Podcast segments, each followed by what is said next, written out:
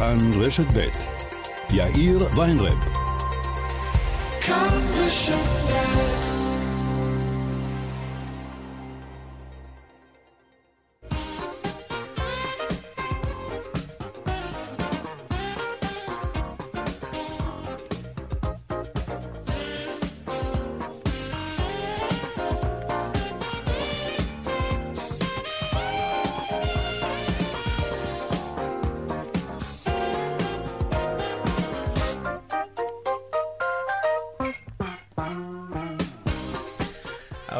וכמעט חמש דקות כאן צבע הכסף ברשת ב', יום ראשון, שלום רב לכם, שבוע טוב. המפיקה סמדר טל עובד, טכנאי השידור רוני נאור, הדועל של צבע הכסף הוא כסף כרוכית כאן.org.il. אני יאיר ויינרב, מעכשיו עד חמש, אנחנו מיד מתחילים.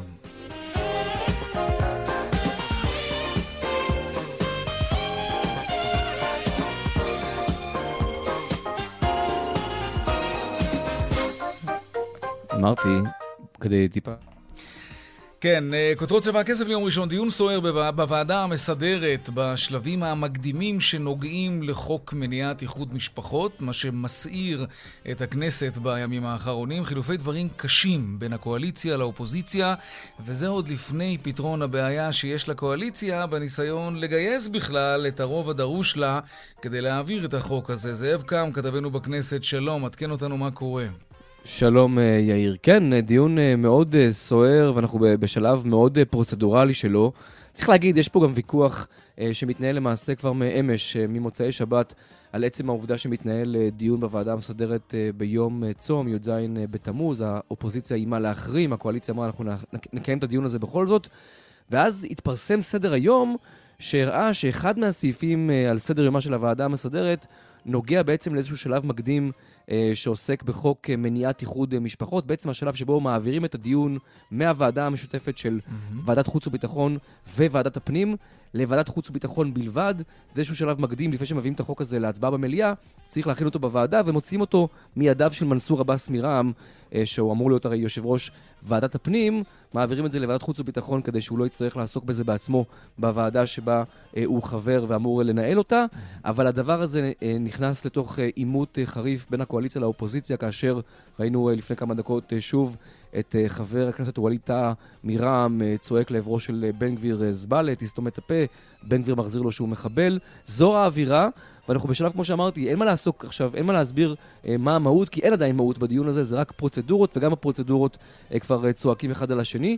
המטרה היא בסוף, אה, מבחינת הקואליציה, לסיים את כל הפרוצדורות של הוועדות היום, מחר, גג ביום שלישי, כדי שביום רביעי כבר יעלו את החוק הזה, את הארכת החוק הזה, להצבעה במליאת הכנסת, ונגיד, גם בשלב הזה, אה, ימים ספורים, אה, שלושה ימים לפני ההצבעה שאמורה להיות במליאה, אין לקואליציה רוב לאשר את הארכת חוק אה, מניעת איחוד אה, משפחות, ונכון לרגע זה הקואליציה יודעת שהיא מגיעה להצבעה עם סיכון שהחוק ייפול, ולמעשה בעוד שבוע יפוג תוקפו, ואז כבר יעשו דברים אחרים כדי למנוע איחוד משפחות, אבל זה בהחלט מבחן משמעותי ראשון לקואליציה החדשה. כן, כך זה נראה. זאב קם, כתבנו בכנסת. תודה רבה. אם יהיו שם התפתחויות, כמובן תאותת לנו. תודה רבה. עכשיו לקורונה, נתוני התחלואה לא מבשרים טובות. תל אביב, הרצליה וכפר סבא הפכו הבוקר לצהובות. כל זאת עוד לפני הדיון של קבינט הקורונה, הדיון הראשון של הפורום הזה בממשלה החדשה. שלום גילי כהן, כתבתנו המדינית.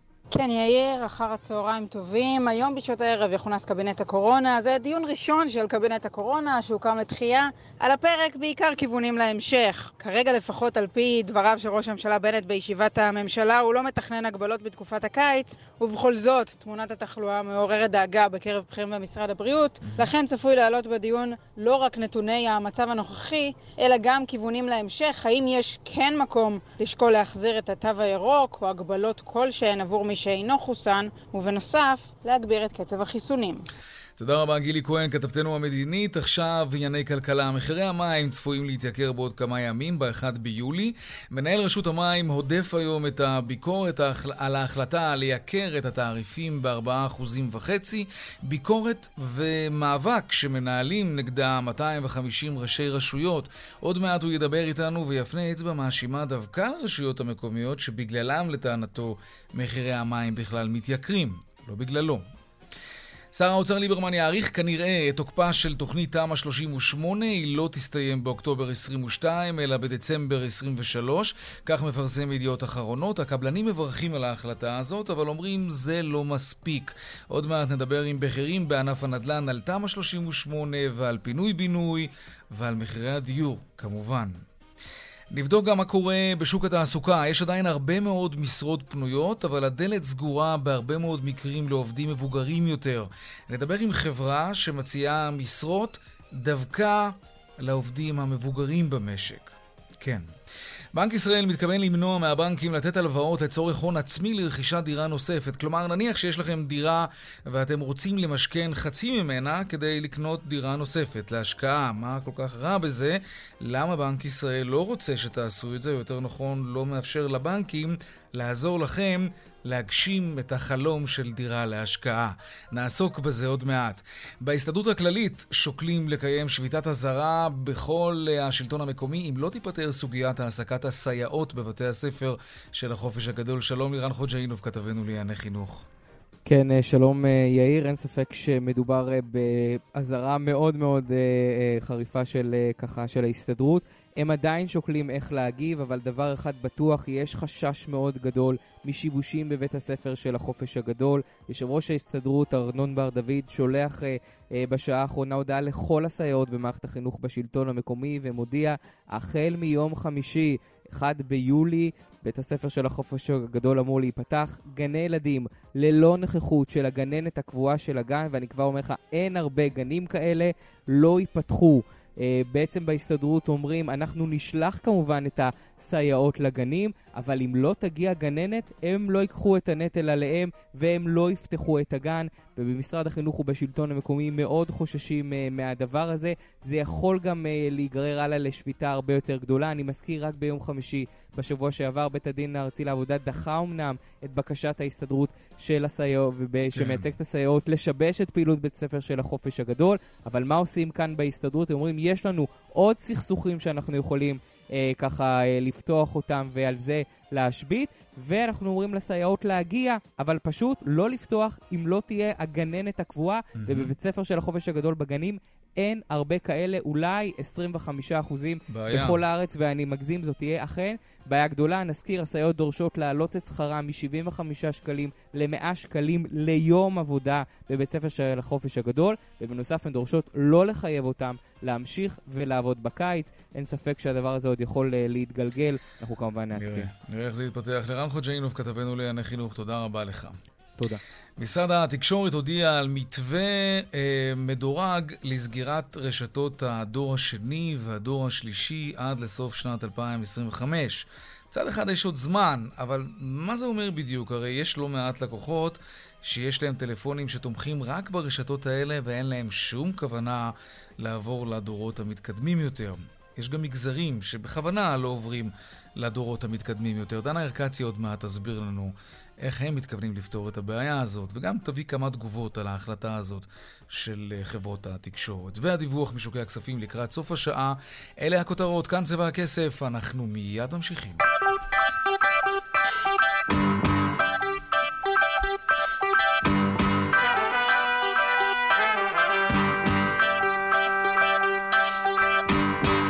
אנחנו פותחים במחירי המים. אה, דיווחנו בשבוע שעבר על 250 ראשי רשויות שהתאגדו כדי למחות על עליית מחירי המים מתחילת החודש הבא, בעוד כמה ימים.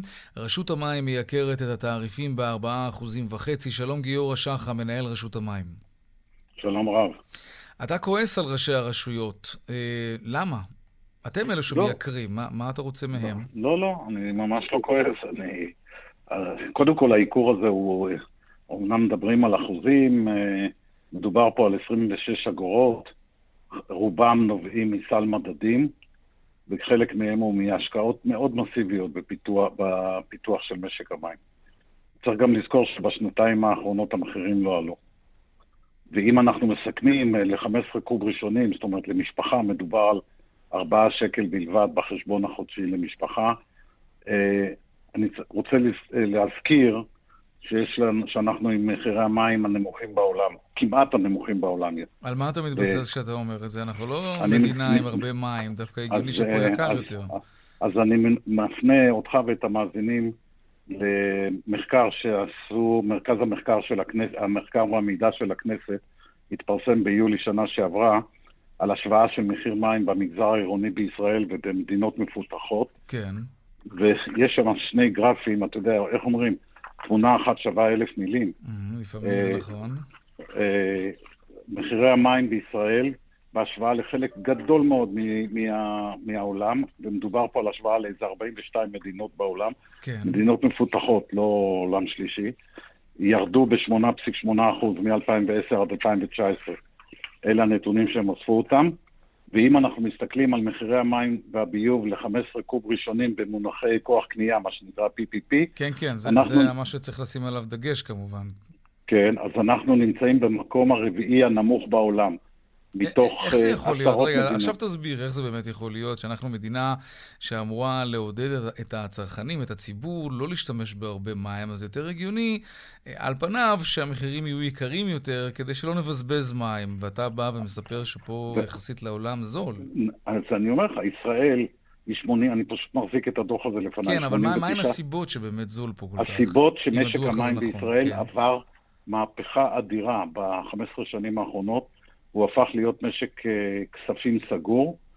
אה, הוא לא נשען יותר על, או כמעט לגמרי לא נשען על תקציב המדינה, וההשקעות, והוא נמצא בפיקוח של מועצת רשות המים, התעריפים, mm-hmm. ואנחנו מאוד משגיחים שפעם אחת הפיתוח ייעשה על פי צרכים אמיתיים ולא יהיה בפיתוח יתר מצד אחד, מצד שני גם שלא יהיה פחות, כי ולראיה עברנו חמש שנות בצורת ולא הייתה אפילו תקלה אחת של אספקת מים.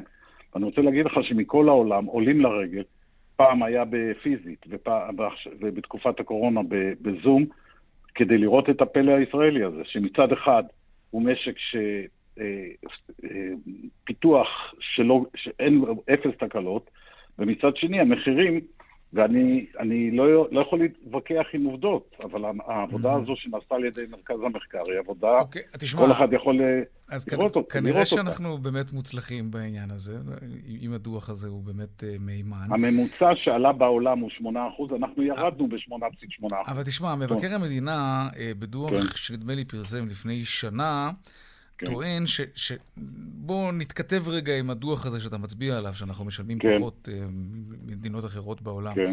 הוא טוען שאנחנו, שתאגידי המים, שהם בעצם מנהלים את משק המים, תחת הפיקוח שלכם, זה נכון, אבל תאגידי המים הם מסורבלים, ויש שם ביורוקרטיה והמון בזבוז של כספים. כלומר, אולי אנחנו משלמים פחות, אבל הקטע היפה באמת, שאנחנו יכולים לשלם הרבה פחות לפי מבקר המדינה. אני מסכים איתך, אני מסכים איתך. ולכן אנחנו העברנו, זאת אומרת, לא אנחנו, הכנסת העבירה בדצמבר 2018 כן. חוק לצמצום מספר התאגידים מ-56 הקיימים היום ל-30, והמתנגד הגדול והראשי של זה זה מרכז השלטון המקומי. היינו יכולים לחסוך בערך 4% בעלויות. אז מה הם היינו... מתנגדים? עד כמה שזכור לי, החוק קובע שהם לא מעורבים בתאגידי המים. תאגידי המים זה רש... נכון, רשות אוטונומית, אבל עצמאית. מה לעשות, נו. כשמרכז השלטון המקומי אומר ל... בעלי המניות של אה, התאגידים האלה, כן. הרשויות. אין כאן בעלי מניות אחרים. אל תשתפו פעולה עם המיזוג. אנחנו רוצים לצעוד במשעול החוק, ואנחנו כפופים לחוק, אבל אין לנו את היכולת הפוליטית לכפות על אה, רשויות או על בעלי המניות של אותם תאגידים להתחיל ולעסוק בזה. הנה, תראה, אני, בעיה... אני תוך כדי שיחה איתך ככה פותח את הדוח הזה של מבקר המדינה, ואני רואה שהוא כותב באופן די מפורש, ש-45% מתעריף המים הוא למעשה רכיב העלויות של תאגידי המים. כלומר, אם היו פחות תאגידים, אז סביר להניח שהציבור היה משלם פחות כסף על לא, המים. לא, לא, לא. מסך הכל הכסף שמתגלגל במשק המים, כן. 45% הוא התאגידים. אם היינו מצמצמים, זה היה חוסך בערך חמישה אחוז בעלויות המים. מה רע בזה? אגב, יש פה עוד נקודה. אני, אני איתך, אין לי ויכוח. רגע, יש פה עוד נקודה מעניינת, וזה אני באמת לא יודע אם הרשויות המקומיות או אתם ברשות המים אחראים על זה. אמ, רגע, ננסה לתמצת את זה. בגלל דליפות מים בצנרת, כלומר, יש צנרת כנראה ישנה, אה, והוא גם כותב שהוא התריע על זה כמה וכמה פעמים. אמ, אנחנו מפסידים, כן, משק המים מפסיד 69, כמעט 70 מיליון שקל בגלל שיש צנרת ישנה שממנה דולף מים. נכון, נכון, ו- וזה, וזאת סוגיה שגם היא מוסדרת אצלנו בכללים. אני רוצה להגיד לך שבעשר שנים מאז שהתחילו לקום הכמות הגדולה של התאגידים, פחת המים ירד בעשרות אחוזים. ערים או אזורים היו עם 20 אחוז פחת, ואנחנו נותנים להם נורמות אה, פחת אה, מאוד מאוד נוקשות, ורובם מכים את הנורמה. זאת אומרת, אנחנו ירדנו מסדר גודל של 15, 17, גם על זה יש מספיק גרפים, מספיק תמונות, לראות אם אנחנו, שבחלק גדול מה, מהתאגידים, גם היותר טובים, אנחנו בחמישה ושישה אחוז פחת. זאת אומרת, עדיין יש פה הרבה עבודה לעשות. אגב, חלק... למה, למה זה כל כך קשה? תשמע, אם, אם אני מבין נכון, כל שנה 70 מיליון שקל נזרקים לפח בגלל טיפות ש... זה לא טיפות, זה לא טיפות. תראה, מה שקרה, למה, למה זאת מהפכה כל כך גדולה בתאגידי המים? כי כשמשק המים והביוב היה בידיים של הרשויות, תזרים המזומנים שלהם עבור המים שהם גבו, הלך לשימושים אחרים, הלך למדרכות, והלך לתאורה, והלך לכיכרות... ועכשיו זה הולך רק למשק המים. ו- והמערכת, הביוב והמים נרכבה ממש במילים האלה, לא נעים להגיד את המילה הזו.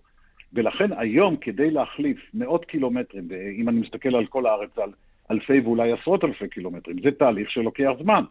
אבל אנחנו רואים אצלנו את ההתייעלות הגדולה ואת הירידה ההולכת ומתמשכת מאז שהוקמו תאגידי המים. כי הם מחויבים להשקיע. הממשל התאגידי שאנחנו מנהלים אותו, הוא שהם מחויבים על פי תוכניות okay. אוקיי. פיתוח שלהם להשקיע אה, כמות מסוימת כדי להחליף mm-hmm. את קווי המים והביוב ש, שנרכבו. עכשיו אני אתן לך עוד מרכיב הוצאה אחת. או אחד בקצרה, כי זמננו תם. כן. אה, סיפור הארנונות. הרשויות המוניציפליות רואות את תאגידי המים ככיס עמוק, ברגע שזה הופרד מהם. 300 מיליון שקל בשנה תאגידי המים משלמים כארנונות. זה משהו שיכול היה לעשות מהפכה בתעריפי המים. אז אני מצד אחד מבין את הרשויות. אם היו מורידים את הארנונה.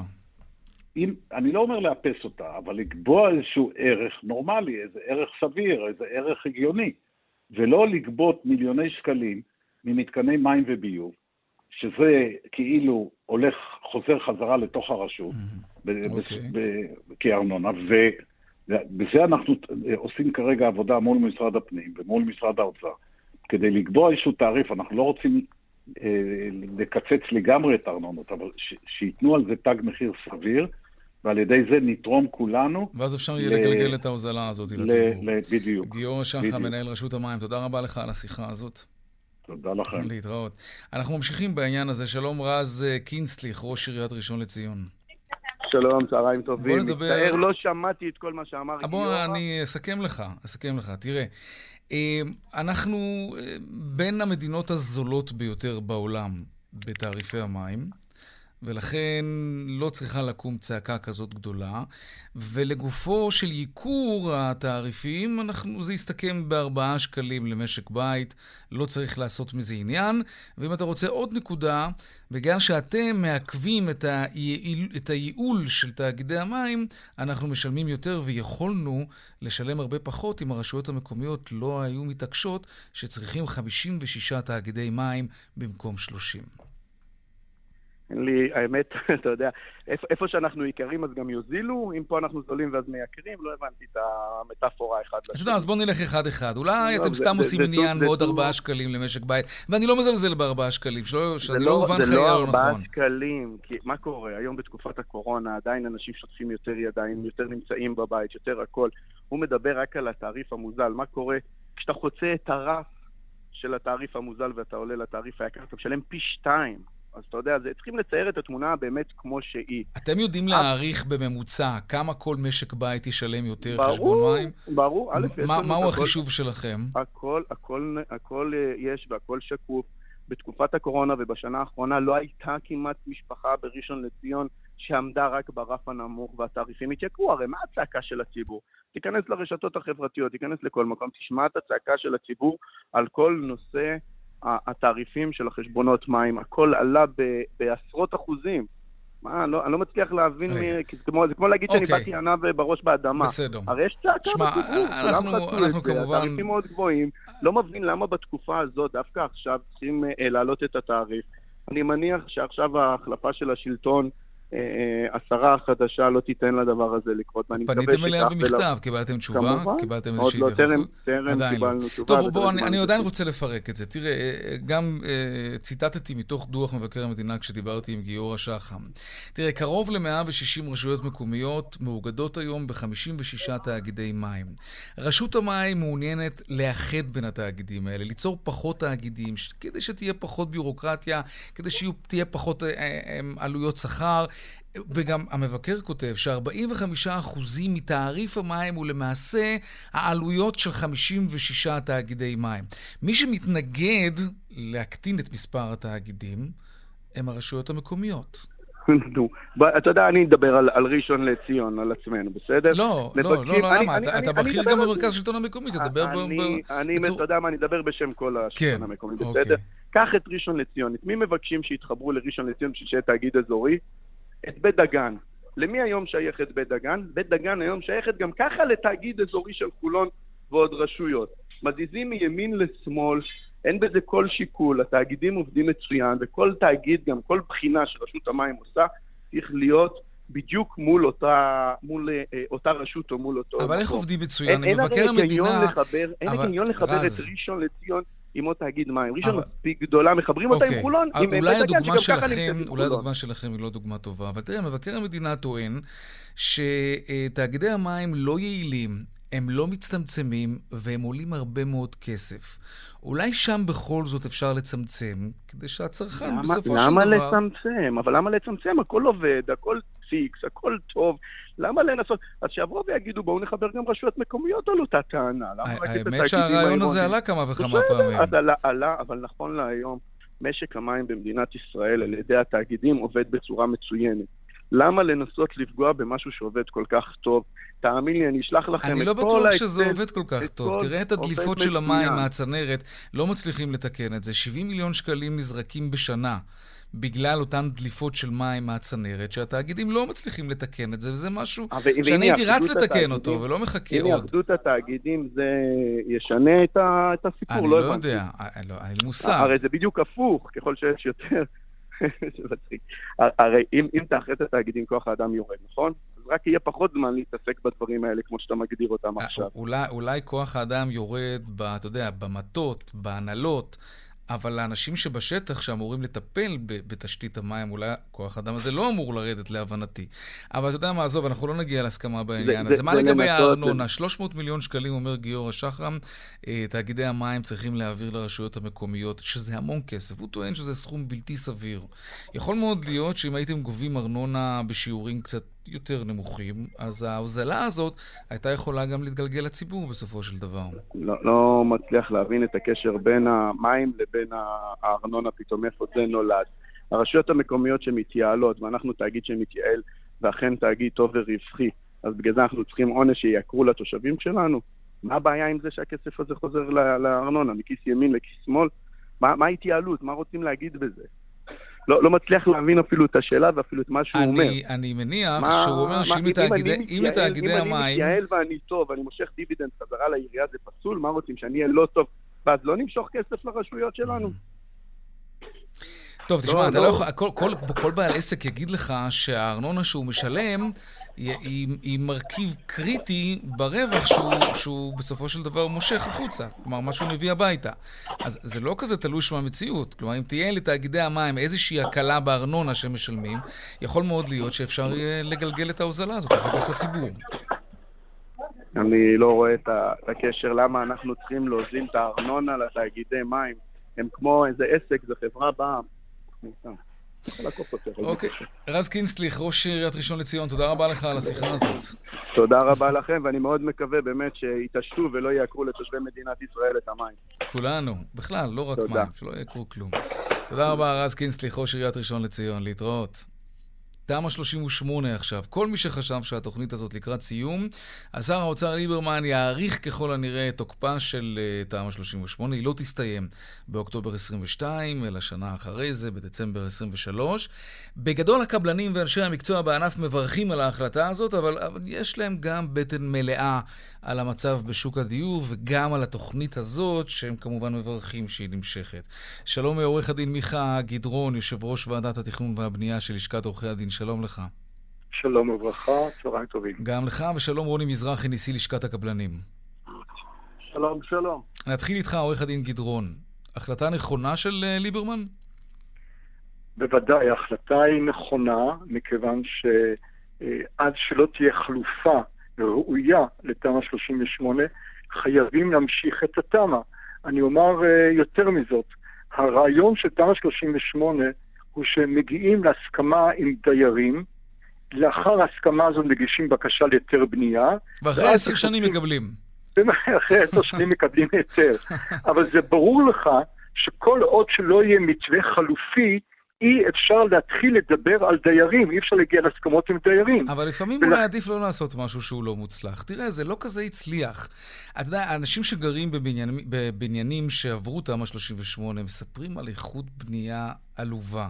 שלא נדבר על זה שהמקומות שזה היה אמור להגן עליהם, שזה בפריפריה, עם רעידות אדמה ועם הטילים מעזה ועם מקומות אחרים, שם כמעט ואין בכלל תמ"א 38. לא, אז אני, במקום אני תוכנית חושב... שתגן על, על הציבור, זה הפך להיות עסק נדל"ני לא, במרכז ממש, הארץ. אני, אני, אני חייב לחלוק עליך.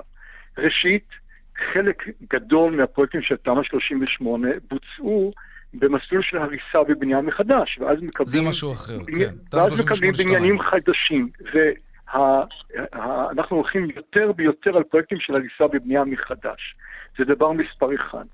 דבר מספר שניים, גם במרכז הארץ יש צורך לחזק את המבנים בפני רעידות אדמה. כשאנחנו מדברים על מרכז הארץ, הרי שתמ"א 38 היא פחות או יותר מבוצעת היום בין רחובות לחדרה, ובירושלים ובחיפה, אזורים שבהחלט צריך למגן בהם את הבניינים בפני רעידות אדמה. מאה אחוז, נכון. אבל יש פה אפליה מטורפת זה נכון, לאנשים לא, שחיים בפריפריה העמוקה. לא, לא, לא, לא, אין ז, פה אפליה. זאת לא אפליה, אוקיי, אני מסכים איתך, אף אחד פה לא מפלה אף אחד, אבל עדיין, התמריץ הכלכלי, המוטיבציה הכלכלית של קבלנים לעשות את אותו דבר בירוחם ובדימונה ובבאר שבע, נכון. זה לא קורה. לא, לא, אבל זו, אבל זו טעות, אני חושב שזו טעות מובנית. תמ"א 38 היא תוכנית מצוינת כדי לחזק מבנים. בפני רעידות אדמה ביותר מאשר מרכז הארץ, אבל נכון שיש אזורים שבהם זה לא כדאי.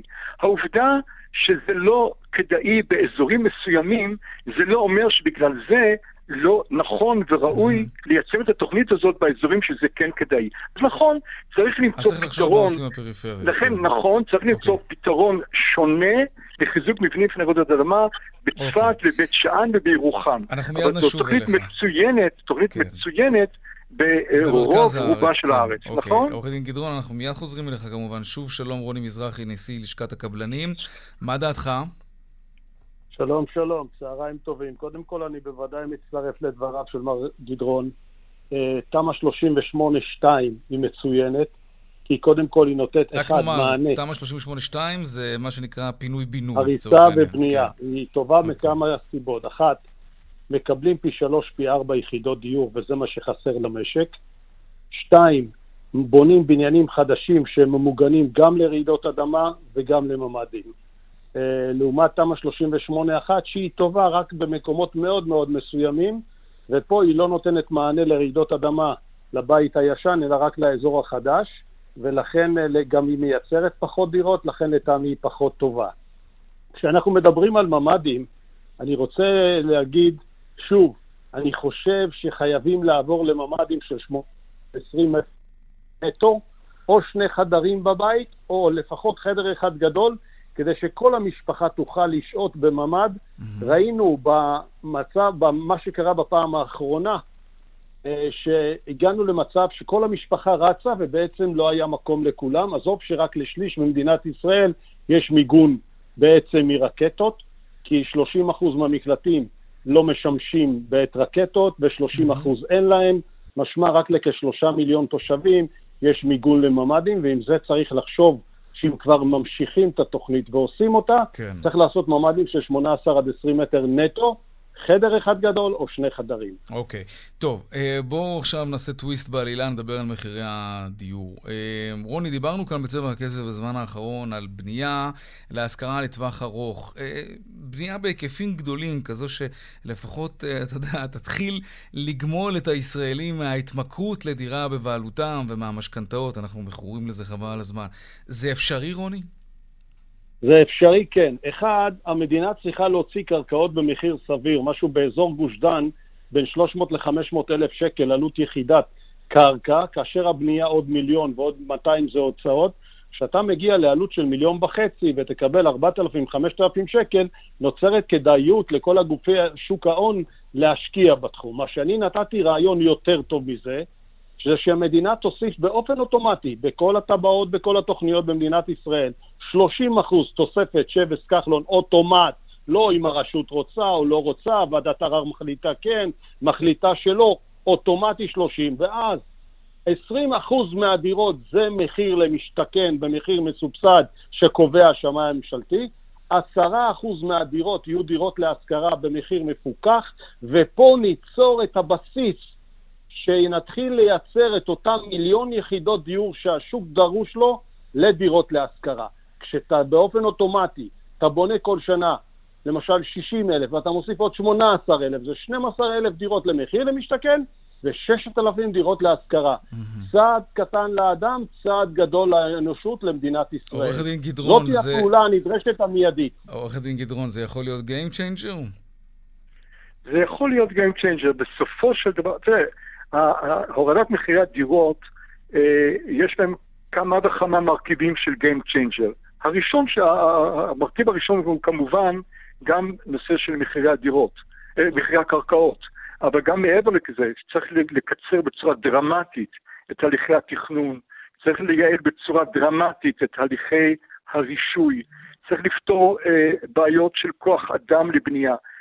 בוא, צריך אה, פה לרתום הרבה מאוד מרכיבים ביחד. אני, אני חושב שיש לי תחושה שלממשלה הזאת נפל האסימון. ואני אני באמת, אני רואה לראשונה הירתמות, גם של שרת הפנים, גם של שר השיכון, גם של שר האוצר, מונה עכשיו אה, אה, ממונה אה, על התכנון, אה, איש מצוין. אני חושב ומקווה שהפעם יקשרו את כל הגורמים ביחד, כי גורם אחד בודד לא יכול לפתור את הבעיה. אין כאן Game Changer, אין כן. Game Changer אחד.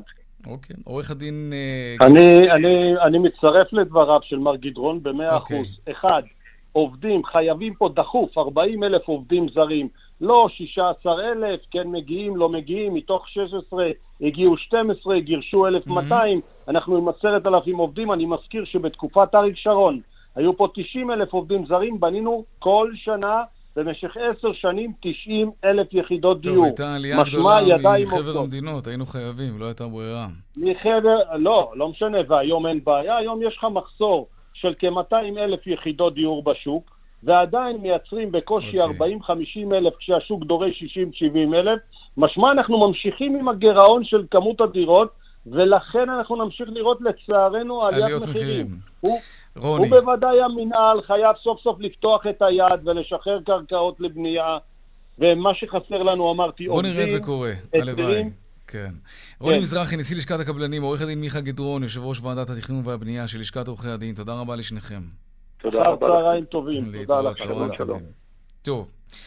בנק ישראל uh, מתכוון לאסור על הבנקים, uh, או יותר נכון לחדד את האיסור שגם כך קיים, uh, ולוודא שהבנקים לא נותנים לציבור הלוואות לצורך הון עצמי ברכישת דירה נוספת. אנחנו קצת מסובך, ננסה להבין במה בדיוק מדובר. שלום עורך הדין גיא מנדלסון, בעלי קבוצת עושר כלכלי, שלום לך. אהלן, יאיר, אחר הצהריים טובים. גם לך. נגיד שיש לי דירה שהערך שלה היא שלושה מיליון שקלים ואין עליה משכנתה, כן? דירה שלי במאה אחוז. אני רוצה לרכוש דירה נוספת להשקעה שעולה מיליון וחצי שקלים. אני הולך לבנק, אני מבקש לקחת הלוואה, ואני מעמיד נגד ההלוואה הזאת את הדירה שלי. 50% ממנה, בול מיליון וחצי, מה שאני צריך. נכון. והנה, נכון. יש לי נכון. הון עצמי לרכוש עכשיו דירה להשקעה. זה מה שבנק ישראל מבקש למנוע? כן, כן. למה? עכשיו, תבין, אתה באת ואמרת שאתה משתמש ב-50% וקנית דירה נוספת.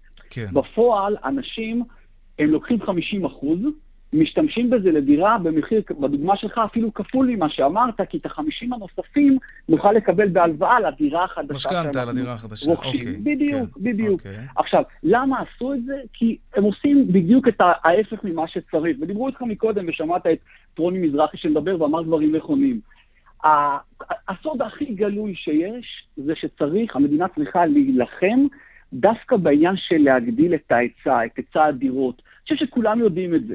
בפועל עוד לא עשו את זה, עכשיו יש ממשלה חדשה, אז בואו בוא נראה מה כאן יקרה, mm-hmm. אבל אנשים, בנק ישראל בא ונלחם בצד של הביקושים. הוא אומר, אם אני אפגע במימון של אנשים שרוצים לרכוש דירות, אז על ידי זה אני אקטין את הביקושים, ואולי בזה פתרתי משהו ב... במחירים, אולי המחירים ירדו. אני רוצה להגיד לך, לא יקרה שום דבר מהדברים האלה. למה? הגיונית, יש בזה משהו היגיון. תראה, אם, אם, אם אנחנו נסלק את המשקיעים מהשוק, ועשינו את זה כבר פעם אחת, עכשיו אנחנו מזמינים אותם חזרה כמובן, אבל אז כשנלחמנו במשקיעים, אז, אז כן הייתה איזושהי בלימה אה, במחירי הדיור, כי משקיעים, הם, הם חושבים לטווח ארוך ולא אכפת להם לשלם טיפה יותר, וכשהם משלמים טיפה יותר, כל השוק עולה למעלה. אז זה לא מופרך לגמרי להגיד, רגע, אתה יש לך כבר דירה, תירגע. אה, אנחנו מעדיפים שהדירות האלה ילכו לזוגות צעירים, ו- ונקשה עליו כדי לקנות דירה נוספת. למה אתה אומר בוא, שזה בוא, לא הגיוני? בוא, אני אגיד אני אגיד לך, יאיר. קודם כל, הנפגעים מהסיפור הזה, ככל שבאמת ככה הוא יוצא לפועל, זה אה, ראשית, זה משקיעים הקטנים, הקטנים, שהם יש להם חלק קטן, ותכף ניגע מי אלה המשקיעים הקטנים, okay. אוקיי. ומשפרי דיור. יש לך כל כך הרבה זוגות צעירים, אנשים שרוצים, אתה יודע, יש להם דירות, סליחה, דירות פח, דירות שמתפוררות, ורוצים לקנות דירה עכשיו מקבלן, זאת אומרת שזו דירה על הנייר. אין להם כרגע להביא הון עצמי. אז מאיפה הם ייקחו הון עצמי? שימכרו את הדירה הישנה שלהם, ואז יקנו דירה חדשה. אבל שנייה, אבל את הדירה הם ימכרו תוך כדי. תוך כדי. אה, כרגע הם רוצים אוקיי. לשעבד, אגב, הדברים האלה מאוד ידועים, זה נקרא הלוואות גישור. נכון, אנשים נכון, לוקחים נכון. הלוואה, אתה יודע, על, על הנכס הקיים. אנחנו נחכה לעיתוי הנכון למכור את הדירה שלנו. ואז, ואז מתקדמים, כן. אז מה עשית? פגעת בהם. פגע... עכשיו אני רוצה להגיד לך משהו, אני אומר את זה תחת כל עץ רענן, והגיע הזמן שהם ישמעו את זה באמת גם ברדיו. אותם אה, משקיעים קטנים, אני אומר לך, זה אנשים כמוך כמוני, שרוכשים עוד איזה דירה, בדרך כלל זה בפריפריה, בסכומים של מתחת למיליון שקלים, שכל מה שהם רוצים שיהיה להם, מכיוון שהם לא בהכרח סומכים על המדינה, שיהיה להם עוד איזה 1,500, 2,000 שקל נוספים מתישהו ככה לפנסיה, אחרי שהם יגמרו, יגמרו גם לשלם את המשכנתה שלהם, והפכו אותם לאויבים. שים לב, אתה רגע השתמשת במילים האלה, שהמדינה היא נלחמת במשקיעים. הרי תשמע, זה לא אויב, אני אגיד לך את זה, זה ואני לא אומר את זה בציניות. המדינה בעיניי צריכה דווקא את אותם משקיעים קטנים, לבוא ואתה יודע, לשאת על כפיים ולתת להם אפילו עוד הטבות. ולמה? כי הם עושים, אותם משקיעים קטנים עושים כל מה שביכולתם כדי לא ליפול על דלתות הביטוח הלאומי, כמו שהרבה אנשים עושים, אחרים עושים את זה. יש אנשים שקונים דירה כדי שתהיה להם פנסיה. נכון, ואנחנו מדברים על סכומים באמת קטנים, ואני אומר לך, זה, זה, זה סתם, המדינה צריכה להתרכז, וצריך, יש, יש, יש מה לעשות, וגם יש קשיים, אף אחד לא אמר שאין, להגדיל באמת את, את, את היצע הדירות. ככל שיהיה היצע יותר גדול, זה די ברור, זה הכלל, אני חושב, הכי בסיסי בכלכלה, כן, נכון. המחירים ירדו. נצמצם את הפער בין הביקוש להיצע, כן. נכון, בדיוק ככה, בדיוק okay. אוקיי. ככה. אז באים עם כל מיני, אתה יודע, פטנטים כאלה אה, ואחרים. ואני אגיד לך עוד משהו. בקצרה, ברשותך, כי תם זמננו, כן. אין בעיה. בסוף, הרי אנשים כן יקחו את אותן הלוואות של ה-50 אחוז. אבל אז זו לא תהיה הלוואה לדיור, ויכול להיות שהרבה אזרחים ייאלצו לא לומר את האמת לשקר, לבנקים. אתה עדין. לא? נכון, לא? בדיוק ככה, מאלצים אנשים מהשורה. לבוא ולא בהכרח להגיד את האמת. מה פתאום דירה? ו... מה פתאום דירה? שנייה רגע, כן. בדיוק, ומה יקרה? ההלוואות יהיו הרבה יותר יקרות, כי עכשיו זה לא הלוואה לצורך דיור, שזה הון עצמי, זה יהיה הלוואות לכל מטרה, ששם הריביות יכולות להיות גבוהות גם, אתה יודע, בשני אחוזים יותר. אז גם זה צריך להסתכל. עורך הדין אה, גיא מנדלסון, בעלי קבוצת עושר כלכלי, באלף, תודה רבה לך על השיחה הזאת. תודה לך, יאיר. להתראות. דיווחי תנועה עכשיו. ביי ביי. דיווחי תנועה בדרך החוף לכיוון צפון עמוס מגעש עד פולג ובהמשך מחבצלת עד מכמורת ובגאה צפונה יש עומס ממחלף השבעה עד גבעת שמואל ודרומה ממורשה עד גבעת שמואל. עדכוני תנועה נוספים בכאן, מוקד התנועה כוכבי 9550 ובאתר שלנו, אתר התאגיד, אתר כאן, הפסקת פרסומות קצרה ומיד אנחנו חוזרים עם עוד צבע הכסף. מיד חוזרים. 15 דקות לפני השעה 5, משרד התקשורת הודיע על מתווה מדורג לסגירת uh, הרשתות של הדור השני והשלישי. זה יקרה עד לסוף 2025, זה יקרה באופן הדרגתי, כלומר זה יתחיל עוד מעט. מה זה אומר בדיוק?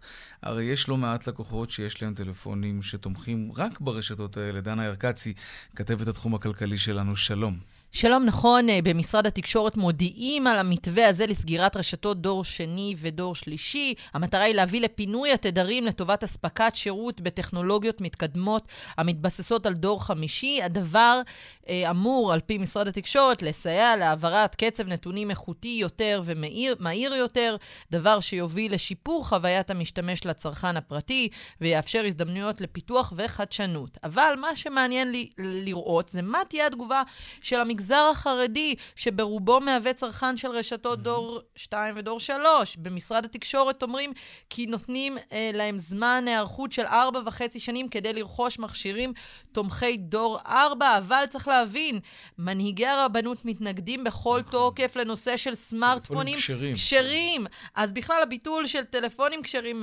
מהווה, על פי אה, אה, נציגי המגזר החרדי, ממש הכרזת מלחמה. אה, ובואו נראה איך ההנהגה הרבנית האם היא תתקשה לקבל את זה או לא. אה, אנחנו שוחחנו עם אה, סגן יו"ר אה, הכנסת יעקב מרגי מש"ס, שתוקף את ההחלטה הזאת של שר התקשורת יועז הנדל. בואו נשמע את מה שהוא אמר. אני רואה בחומרה אם דבר כזה נעשה מבלי לתת מענה ומבלי לתת את הדעת לכך שזה ידיר אוכלוסייה גדולה מאוד במדינת ישראל מלהשתמש במכשירי טלפון. מי שרוצה להביא את הקדמה, יביא את אותה אוכלוסייה, אדרבה, לסגת אחורה מכל ניסיון להשתלב בחברה ובחיים האזרחיים. כן, זה בהחלט סיפור, סיפור מסובך למגזר הזה. ומעניין לראות איך באמת זה... וגם הרבה אנשים מבוגרים שלא לא מסתדרים כל כך עם הדורות המתקדמים. דנה ארקצי, כתבת התחום הכלכלי שלנו, תודה רבה. תודה. עכשיו, לאחת הבעיות הגדולות של החזרה לשוק העבודה, אה, אחת הבעיות הגדולות היא של המבוגרים. גם עובדים סביב 50 אה, ויותר, אה, וגם כאלה שכבר בגיל פנסיה, אבל נאלצים לעבוד כי אין להם פנסיה, או שיש להם פנסיה זעומה. קשה לאנשים האלה למצוא עבודה. כל הגופים מצביעים על זה, משירות התעסוקה, דרך הביטוח הלאומי ומשרדי כוח אדם, כולם יודעים שלעובדים מבוגרים קשה מאוד להשתלב חזרה אחרי משבר קורונה. שלום אה, ערן מרדכי דנאל, מנכ"ל דנאל משאבי אנוש מקבוצת דנאל, שלום לך. שלום יאיר. אתה מחפש עובדים מבוגרים, ספציפית. אנחנו מחפשים עובדים בכלל, וגם עובדים מבוגרים, נשמח מאוד לקבל גם עובדים מבוגרים. אוקיי. Okay. אגב, אם אתה אומר שאתם מחפשים עובדים בכלל, אז אתה גם מהמעסיקים שמתקשים לגייס עובדים בימים האלה? כי זה אוטוטו נגמר הסיפור הזה, לא? של החל"ת. אוטוטו נגמר חלקית, לגיל 45 ומטה. כן.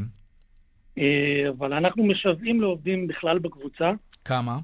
בקבוצת דנאל, לתוך הקבוצה עצמה, יש לנו מעל 400 משרות.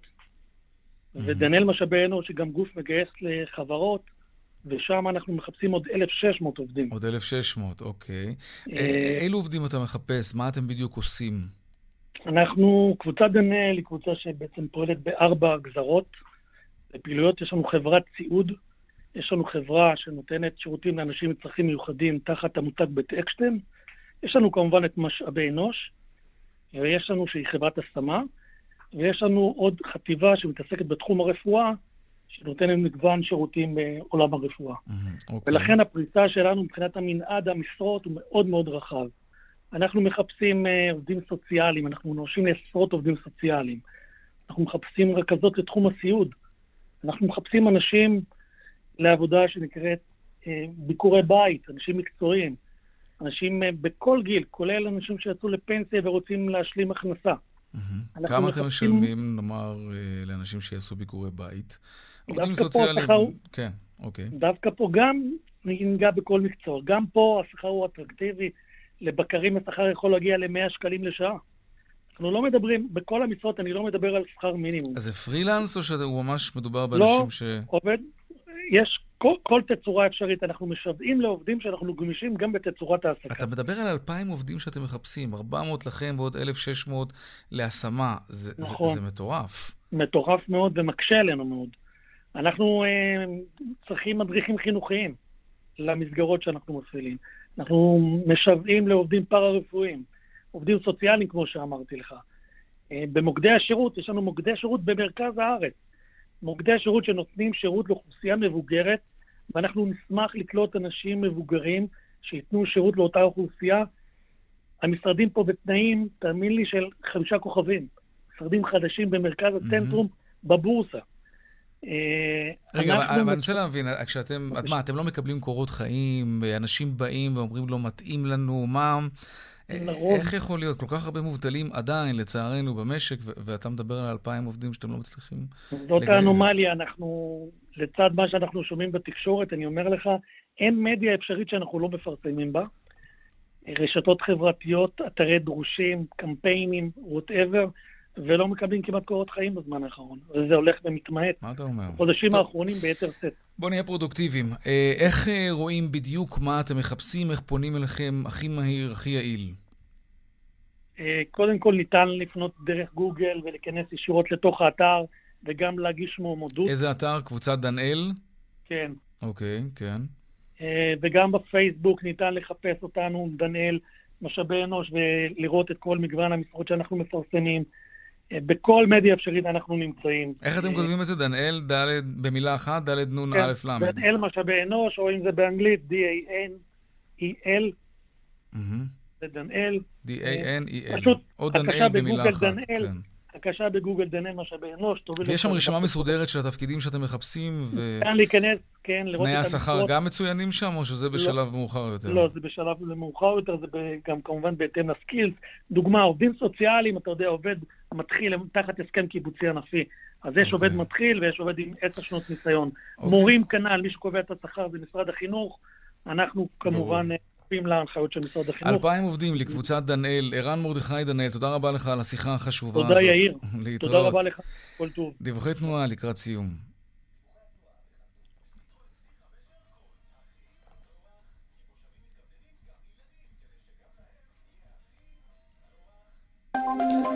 איילון צפונה, עומס תנועה ממחלף חולון וקיבוץ גלויות עד מחלף קק"ל ודרומה מרוקח עד לגוארדיה בדרך 6 צפונה עמוס מקסם עד אייל ומעירון עד אליקים עדכוני תנועה נוספים בכאן מוקד התנועה, כוכבי 9550 ובאתר שלנו, אתר התאגיד, אתר כאן. הפסקת פרסומות קצרצרה, מיד אנחנו חוזרים עם העדכון משוקי הכספים. שלום רונן מנחם, כלכלן ראשי מזרחי טפחות, חצי דקה, זה מה שיש לנו.